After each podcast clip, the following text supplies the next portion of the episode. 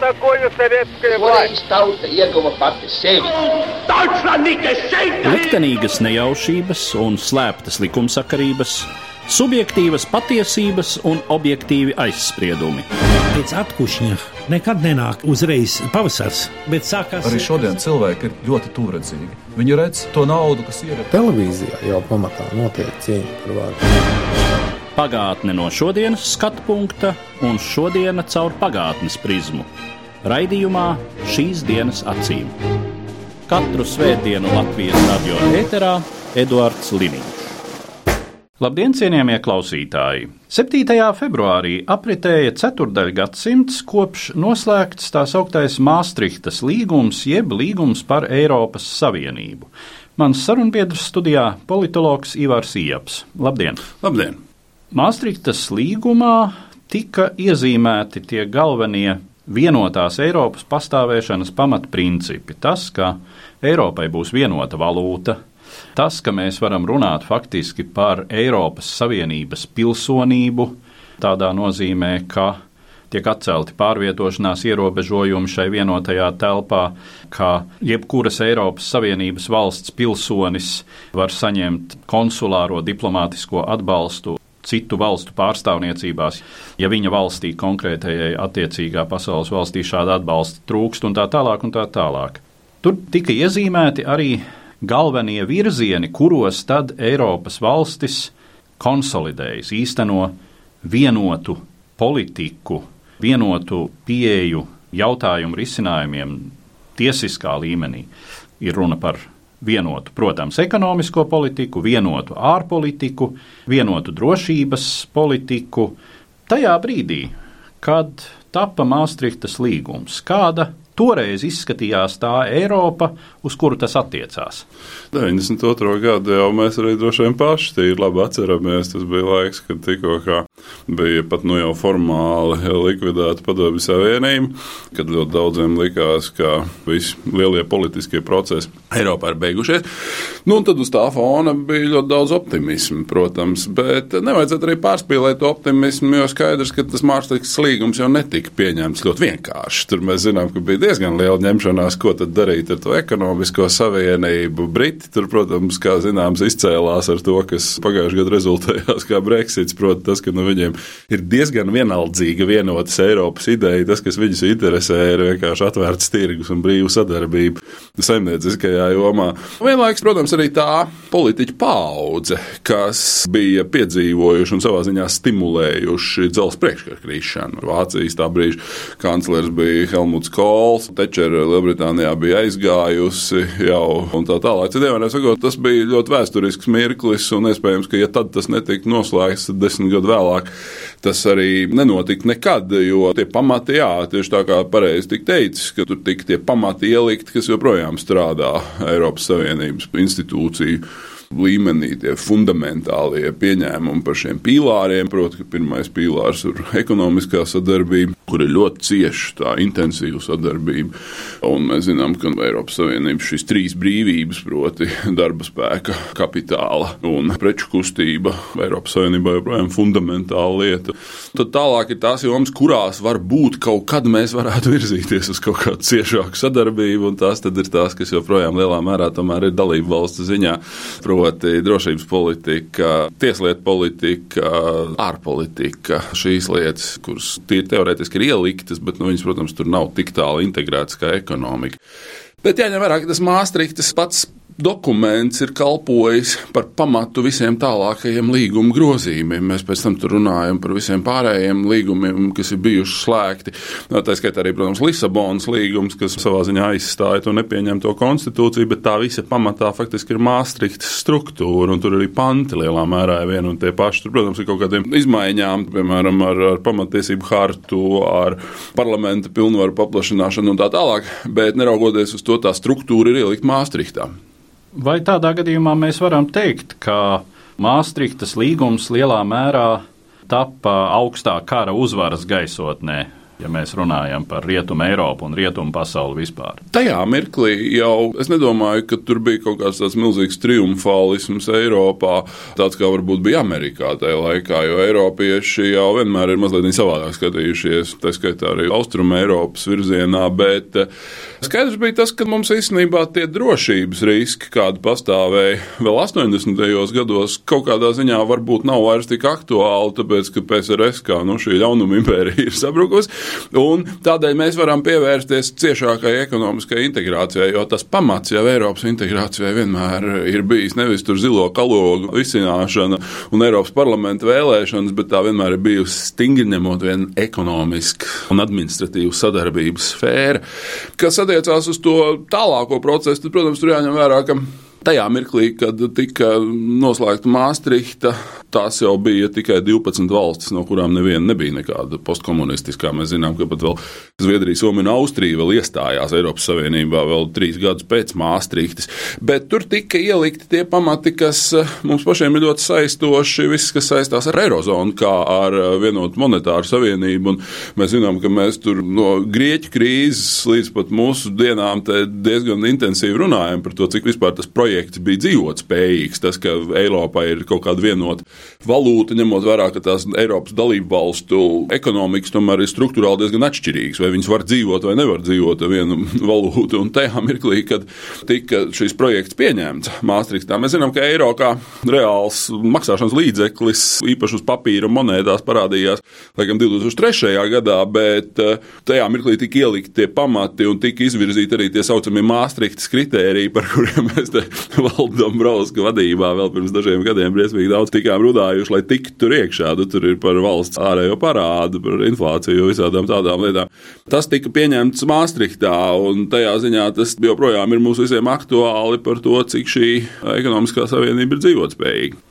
Vai tajā brīdī, kad eh, tika slēgts Maastrichtas līgums, bija kāda nojauta par to, ka Eiropa salīdzinoši tomēr tik strauji un apjomīgi izplatīsies uz austrumiem, kā tas notika nākamajos pārdesmit gados, un uh, respektīvi vai Māstrihtas līgums, kāds tas toreiz tika slēgts, atbilst šādai tik lielai un daudzveidīgai vai dažādai Eiropai.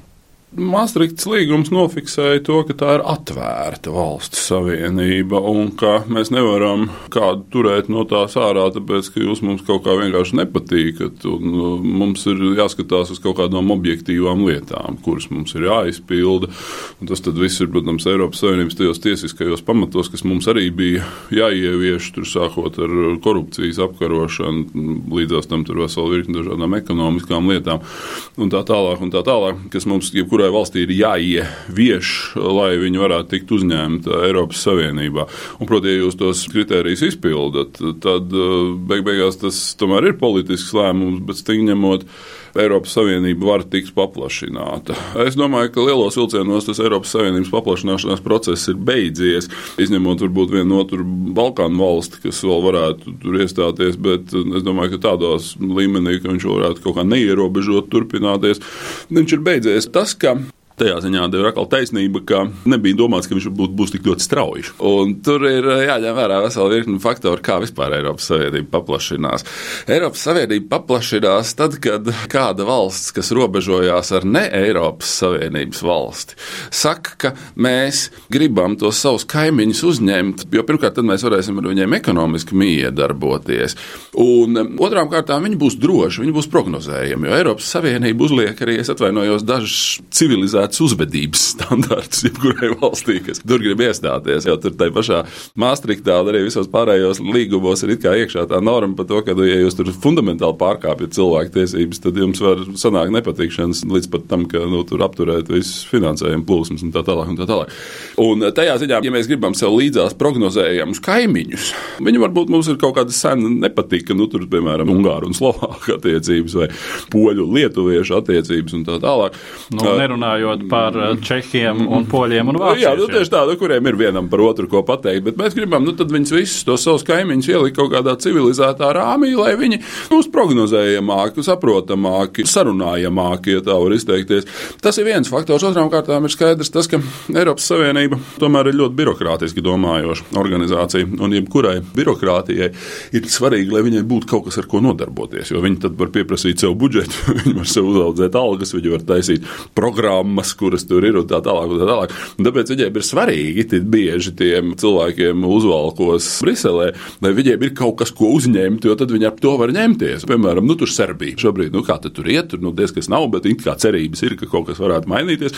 Tur ir vesels korpus Briselē, kas strādā uz to, ka sūtīt ekspertus, sūtīt visādi veidu monitorētājus, palīdzēt ar kaut ko tur, pieprasīt tādas vai citas likuma izmaiņas. Un tas, protams, tādam normālam birokrātam sagādā daudz patīkamu mirkli, vai ne? Viņam ir ko darīt, viņš jūtas vajadzīgs un viņš var paplašināt savu ieteikumu. Un tajā ziņā to arī nevajadzētu par zemu novērtēt, ka tā paplašināšanās bija arī birokrātisks loģikas dzīve. Ja mēs skatāmies vispār krietni plašāk par šiem pēdējiem 25 un varbūt pat pēdējiem 50 gadiem, kā apvienotās Eiropas veidošanās procesu, cik šī vienotās Eiropas savienoto valstu ideja vēsturiski ir bijusi aktuāla un cik tā šādā kontekstā ir, teiksim, iesakņota Eiropā? Es domāju, ka tā ir stingri ņemot vienu jaunu laiku, samērā sena ideja un nevēl diezgan daudz ļaužu uzskata Eiropas Savienību par faktiski kanta tādu ideju turpinājumu un praktisko realizāciju tiesa nieka 200 gadus pēc paša kanta aiziešanas viņa saulē. Jo tā ideja ir tāda, proti, ka mēs netaisam nekādu globālu pārvaldi. Tajā nozīmē mums nav nekāds supercentrs, ANO kaut kas tāds, kas pieņem par mums visiem lēmumus. Bet mēs izveidojam tiesisku un demokrātisku valstu federāciju, kurā pamatā ir individu tiesību ievērošana. Tieši tas, ko tu saki, proti, ka nu, es varu justies kā mājās, un es saprotu, ka manas tiesības, ekonomiskas, izglītības un citas tiesības nepārkāps neviens tad, ja es aizbraukšu uz Vāciju, piemēram, dzīvot. Un šajā ziņā tā ir tāda jauna laika, šāda tiesiska federālisma, ja vēlties liberāla ideja, kur saka, ka cilvēki tagad ir attīstījušies tik tālu, ka viņi savā starpā vairs nekaros, bet viņi savā starpā sadarbosies ekonomiski ekonomiski, sadarbosies zinātnē, sadarbosies visādās citās lietās, veidojot šādu valstu sadarbības struktūru, kurai nebūs kaut kāds viens vienots centrs un kaut kāds pasaules valdnieks, tā kā zvaigžņu karos, kur viens cilvēks pārvalda visu planētu, bet kur būs šāda valstu ciešas sadarbības forma. Un tajā ziņā tā ir viena diezgan fundamentāla jauna laika ideja, kurai patīk vai nē, bet tomēr ir dodams šis vārds - liberālisms. Bet, eh, kas attiecās uz tām Eiropas dažādiem citiem projektiem, man liekas, ka tas bija labi pazīstamais britu vēsturnieks Nails Fergusons, kurš teica, kaut kad pārfrāzēdams Čērčila teicienu par demokrātiju, ka restīvi demokrātija pats sliktākā forma, izņemot visas pārējās, kas ir šad un tad izmēģināts. Eiropas Savienība ir patiešām pati sliktākā, pati birokrātiskākā, pati nesakarīgākā forma, kā nodrošināt Eiropā mieru un pārticību. Izņemot visas tās pārējās, kas ir tikušas izmēģinātas pēdējos 200 gados, tur sākot ar ar Napoleonu, beidzot, protams, ar diviem 20. gadsimta lielajiem Eiropas totalitārismiem. No tāda viedokļa raugoties, tas ir labākais, kas mums ir. Mums ir ļoti pamatoti jāiebilst pret ļoti daudzām lietām, ko tā Eiropas Savienība dara. Un es esmu simtprocentīgi pārliecināts, ka tādā nu, naudas plūsmu ziņā viņi Latvijā nedod naudu tam, kam tiešām vajadzētu, un dod naudu tam, kam galīgi to patiesībā nevajag. Bet neraugoties uz to, tas ir labākais, kas mums ir. Domājot par to, kas tad notiek ar Eiropu šobrīd, Kur ir tie iemesli un cik lielā mērā varbūt tie iemesli ir uh, arī Māstrihtā ielikti, ka pašreizējā Eiropa ir tur, kur tā ir, ka ir noticis Brexits, ka tās Eiropas valstis, kuras nav pārgājušas uz eiro, šobrīd, cik es saprotu, to arī īpaši pat negrasās darīt. Un uh, neatkarīgi no tā, vai tā ir Zviedrija vai Polija vai Čehija un pat iespējams Ungārija. Nu, šķiet, ka laikam vienīgi Bulgārija un Rumānija tā kā vēl par to domā. Es teiktu, ka tā pašreizējā situācija, protams, ir sava veida vienkārši atsitiens vai, ja vēlies, noliegums lielā mērā tam drausmīgajam optimismam attiecībā uz Eiropas integrāciju, kādu mēs piedzīvojam apmēram pirms desmit gadiem. Tad arī, kad Latvija tikko iestājās, kad visi rakstīja konstitūciju, visi veidoja visādas gaisa pilis un visādas federālas projektus un tā tālāk. Šobrīd es domāju, ka ļoti daudz ir sapratuši, ka Eiropas Savienība, lai kā tas arī nebūtu, tomēr joprojām tiešām ir suverēna nācija valstu savienība, kurai ir, protams, ļoti daudz labās puses, no kurām atteikties nebūtu vērts. Vienlaikus Tur ir vesela virkne faktoriem, kas nosaka šobrīd notiekošo. Protams, ir Brexits, kas ir uh, pietiekoši liela dilemma. Gluži vienkārši tādēļ, ka visi līdz šim bija pieņēmuši, ka tās valstis rausies iekšā tajā Eiropas Savienībā. Un tā klauzula, ka var izstāties, bija apmēram tāda pati, piedošana par vulgāru salīdzinājumu. Nu, tā kā Padomju Savienības konstitūcija arī bija klauzula, ka tu vari tīri teorētiski izstāties. Nu, neviens nebija iedomājies, ka tu kāds taisās realizēt. Tagad tas notiek, un tagad tur būs pietiekoši daudz ņemšanās. Bet pirmkārt, jāņem vērā tas, ka katra valsts ir savs vēstures lielā mērā upuris un mantinieks. Un Briti jau šajā ziņā nekad nekādi diži eiropieši nav bijuši. Ja jūs atceraties visu to, kā viņi tur ir uzvedušies, tad nu, viņiem tas priekšstats par kaut kādiem tādiem Eiropas ideāliem un Eiropas kaut kādām tādām integrācijas galējām fāzēm ir galīgi svešs. Nu, neaizmirsīsim to, ka pagājušā gada sākumā īstenotajā kamerā Kamerona ofensīvā Eiropas komisijai par tām prasībām, ko viņš tur izvirzīja. Bet, ja jūs gribat, lai mēs paliekam aizvāciet no tiem dokumentiem to dīvaino normu par ever closer union, respektīvi aizvien ciešāk un ciešāk, mēs negribam vēl ciešāk. Mums ir labi, mums jau tagad ir pa ciešu. Nu, tad viņi, protams, nobalsoja. Bet nu, tur ir vesela virkne. Es nedomāju, ka Briti tajā ziņā būtu bijuši kaut kādi diženākie eiropieši, kādus mēs viņus iedomājamies. Bet cits jautājums ir par citām valstīm, un tur, protams, tas atslēgas faktors tomēr ir un paliek Francija. Jo Eiropas Savienības pamatā tomēr ir šī vēsturiskā vācu-franču vienošanās. Un, eh, kas ir maz ticams, bet, nu, kā mēs to pagājušajā gadā redzējām, tur visādi brīnumi notiek, ja tur ievēro Lepenu, tad tur varētu būt kaut kādas diezgan destruktīvas lietas. No kā nevar izvairīties, jo jāņem vērā, ir, ka mums ir diezgan grūti pat pateikt, kurā mirklī mēs varētu tur vainot Eiropas Savienības pārmērīgo integrāciju vai nepietiekamu integrāciju. Viens no tiem, protams, ir tā bēgļu krīze kas ļoti daudziem uzsita asins par to, ka, nu, piedošana, mēs it kā dzīvojam vienotā Eiropas telpā.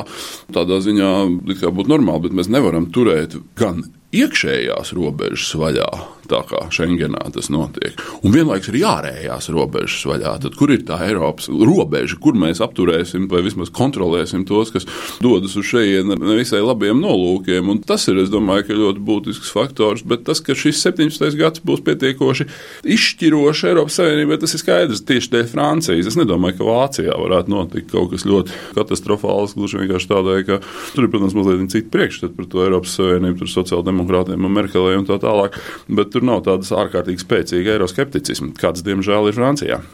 Vai skatoties uz citām Eiropas valstīm, varbūt ar uh, līdzīgu vēsturisku pieredzi, kāds varētu mēģināt sekot Britu piemēram, nu, piemēram, Zviedri vai pēkšņi Spāņi?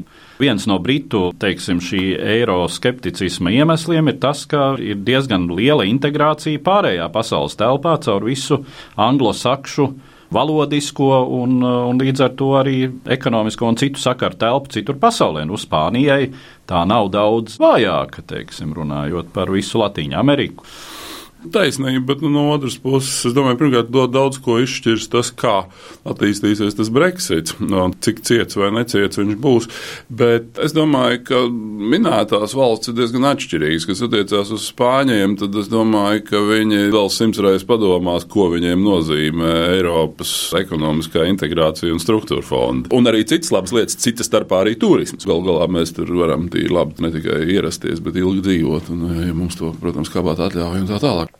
No šī viedokļa raugoties, tie ir atšķirīgi stāsti. Savukārt, kas attiecās uz Zviedriem, tad no nu, Zviedri šajā ziņā Zviedrija šodien vairs nav tāda, kāda viņa bija pirms desmit gadiem, bet Zviedrija pēdējā laikā, es domāju, ka īstenībā ļoti pragmatiska politika, un viņi saprot, ka ja kaut kas mainās, tad mēs nevaram atļauties spēlēt kaut kādu 18. gadsimta neutralitātes spēli. Mums ir tomēr jābūt kopā ar tiem, kas mums ir tuvumā, un viņiem tuvumā ir Baltija, Vācija Un pirmkārt, jau šis ziemeļu valstu bloks, kas, manuprāt, ir ļoti svarīgs tieši Latvijas perspektīvai.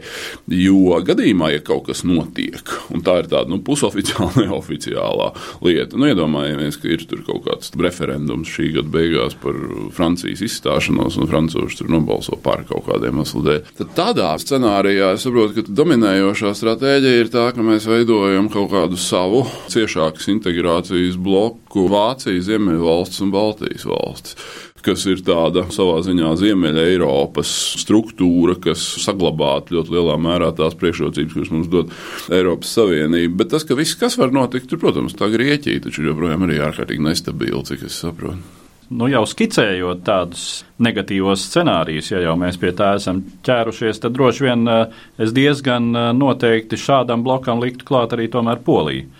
Bet jautājums, kādu poliju, jo Kačinska polija jau skatās citā virzienā. Viņiem ir tādi arī savā ziņā impēriski projekti, kas pat Latvijā kādam ir likušies simpātiski par to intermarījumu uz Višegradas bāzes, proti ar Slovākiem, ar Ungāriem.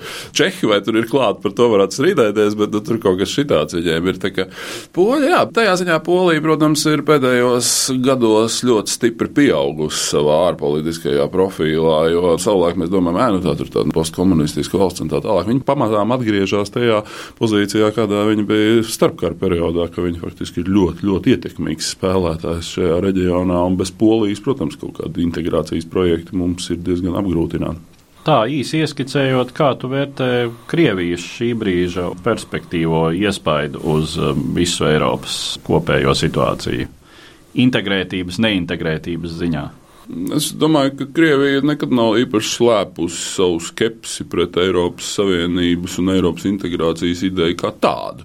Tāpēc tas nevienam nav noslēpums, ka Krievija tiešām lielā mērā domā tādās 19. gadsimta kategorijās, kur ir valstis ar ļoti, ļoti šauri un lielā mērā militāri definētām nacionālajām interesēm. Bet savukārt Eiropas Savienība ir kaut kas pavisam cits. Tur nav kaut kādas tādas, nu, kā saka, stingrās varas vertikālas, tā ir demokrātiska valsts savienība savienība, kurā nu, tur bez maz vai kā mēs to redzam, viens stājās iekšā, cits stājās ārā.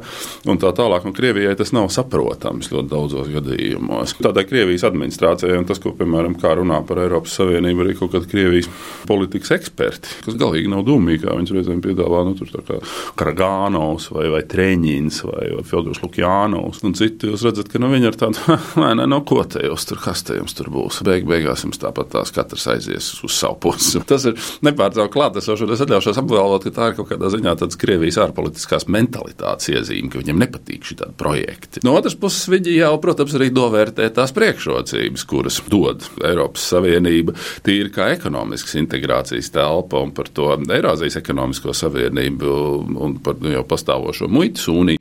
Tur jau visu laiku tiek runāts, ka nu, mēs taisīsim kaut ko tādu pašu, tikai tas būs mūsu ietekmē. Un viņus interesē Eiropa droši vien, ka viņi noteikti nav pretī darboties Eiropā kā vienotā tirgū, bet viņiem uh, galīgi nepatīk viss, kas saistās ar kaut kādām Eiropas Savienības politiskām iniciatīvām, kuru droši vien spilgtākā izpausme jau ir tās pašas sankcijas šobrīd, jo viņi jau tie Krievi necieš no amerikāņu sankcijām. Viņam ar Ameriku ir diezgan maz tieši ekonomiskā kontakta. Viņa galvenais kontakts ir Eiropas Savienība. Tieši tāpēc viņa tā pamatdoma ir tāda, ka mums vajadzētu tur to Eiropas Savienību, ja viņi pastāv, tad lai viņi pastāv tādā tīri tehniskā līmenī, lai tur nav kaut kādas politiskas integrācijas. Un, protams, arī viss spēlīts ar enerģētiku, viss spēlīts ar pareizticīgo baznīcu un visiem šiem spēlētājiem, visas tur draudzēšanās ar Orbānu, draudzēšanās ar visiem iespējamiem eiroskeptiķiem, sākot ar Marinu Lepēnu un beidzot ar UKIP un Farāģu. Nu, tajā ziņā, protams, viņi nav, maigi izsakoties, nekādi beigti Eiropas integrācijas draugi. Lai gan varētu vaicāt arī jau, vai amerikāņi tādi ir. Mēs zinām, ka Amerikā ir arī dažādas administrācijas bijušas. Trumps ir ļoti izteikts Eiropas integrācijas skeptiķis, maigi izsakoties. Bet, nu, tur, protams, ir bijuši tādi kā Clintons un arī Obama, kas par to projektu bija augstākās domās, bet arī vēsturiski. Tur ir arī krietni vēl pirms augstā kara beigām ir bijuši tādi Amerikas prezidenti, kas nu, nav bijuši. Man liekas, ka viens no tādiem vai tikai nebija arī Eizenhauers pašos sākumos, kas bija, nu, kā saka, ja jūs gribat kaut kā integrēties, nu, tad integrējieties ar mums kopā un nevis kaut kā tur pa sevi. Tā kā ne visi pasaulē ir sajūsmā par šo ideju. Kā ir ar mums pašiem? Cik lielā mērā šī savienība ir Eiropiešu domās, Eiropiešu galvā pastāvoša?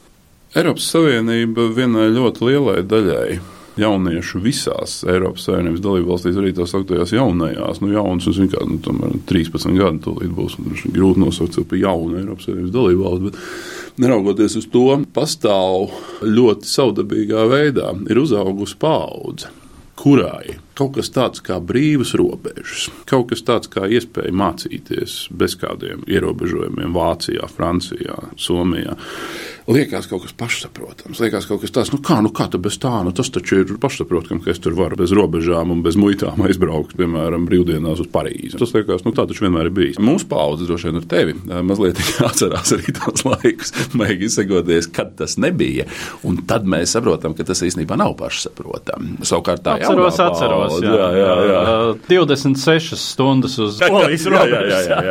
Tieši tā. Un te jaunatnē ļoti lielā mērā Latvija tajā ziņā arī ir lai gan ne pirmajās rindās noteikti, bet tomēr arī skārta tā procesa, ka viņiem tagad, ok, nu to viņi pieņem kā pašsaprotam, ka tā Eiropa ir integrēta, bet viņiem gribās kaut ko tādu romantiskāku, gribās kaut kādas tur lielākas kaislības, gribās atgriešanos pie tradicionālajām vērtībām un gribās tur bišķiņu pazākāt tos, ko es pats arī cītīgi nodarbojos, tos Briseles birokrātus, ka viņi tur ir tādi un šitādi, un es taču gribu atgriezties pie tādas īsti tautiskas politikas savās mājās un savā valstī, un negribu, ka man tur kāds kaut ko diktē. Es atvainojos, Latvijā vienai valdošās koalīcijas partijai ir pavisam skaidri ierakstīts programmā, kā mēs esam pret jebkuru diktātu, vienalga vai tas nāk no Maskavas vai Briseles. Tu vari iedomāties, ko tas nozīmē. Tas, piedošana, mums tagad Brisele vienam otram, karsgalvim, ir tajā pašā līmenī kā Maskava. Tur ir par ko padomāt, kas te ir uzauguši.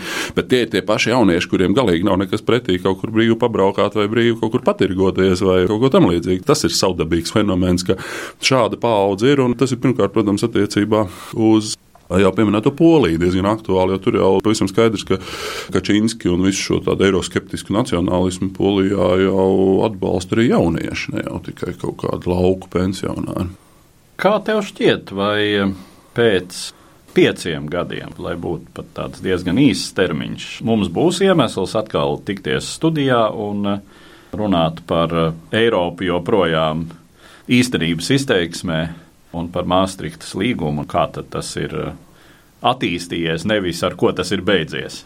Es domāju, ka būs noteikti. Tāpēc, ka jebkuru šādu vēsturisku procesu aplūkojot, Jāņem vērā, ka, protams, ir kaut kādas lietas, kuras mēs varam nojaukt. Vienkārši vēsture, kā zināms, attīstās dialektiski, mēs kaut ko uzbūvējam, pēc tam pēc kāda mirkļa to nojaucam. Bet vienmēr jau, protams, kaut kas no tā iepriekš uzbūvētā paliek un izrādās krietni dzīvot spējīgāks nekā mums šobrīd liekas. Un tādā ziņā es domāju, ka Eiropas integrācijas ideja kā tāda, es domāju, ka nebūs mazāk nozīmīga.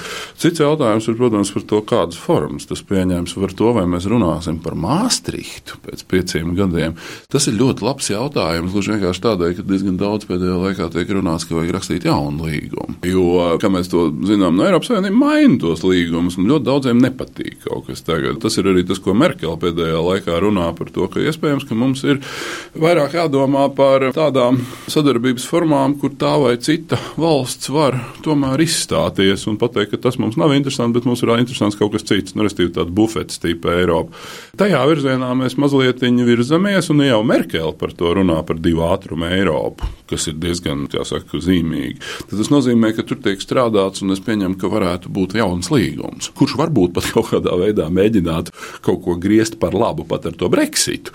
Respektīvi, tas, ka Briti izstāsies no šitā, bet tas nenozīmē, ka viņi nepiedalīsies kaut kādās citās Eiropas integrācijas struktūrās, kas viņiem liksies mazāk varbūt represīvas un nepareizas.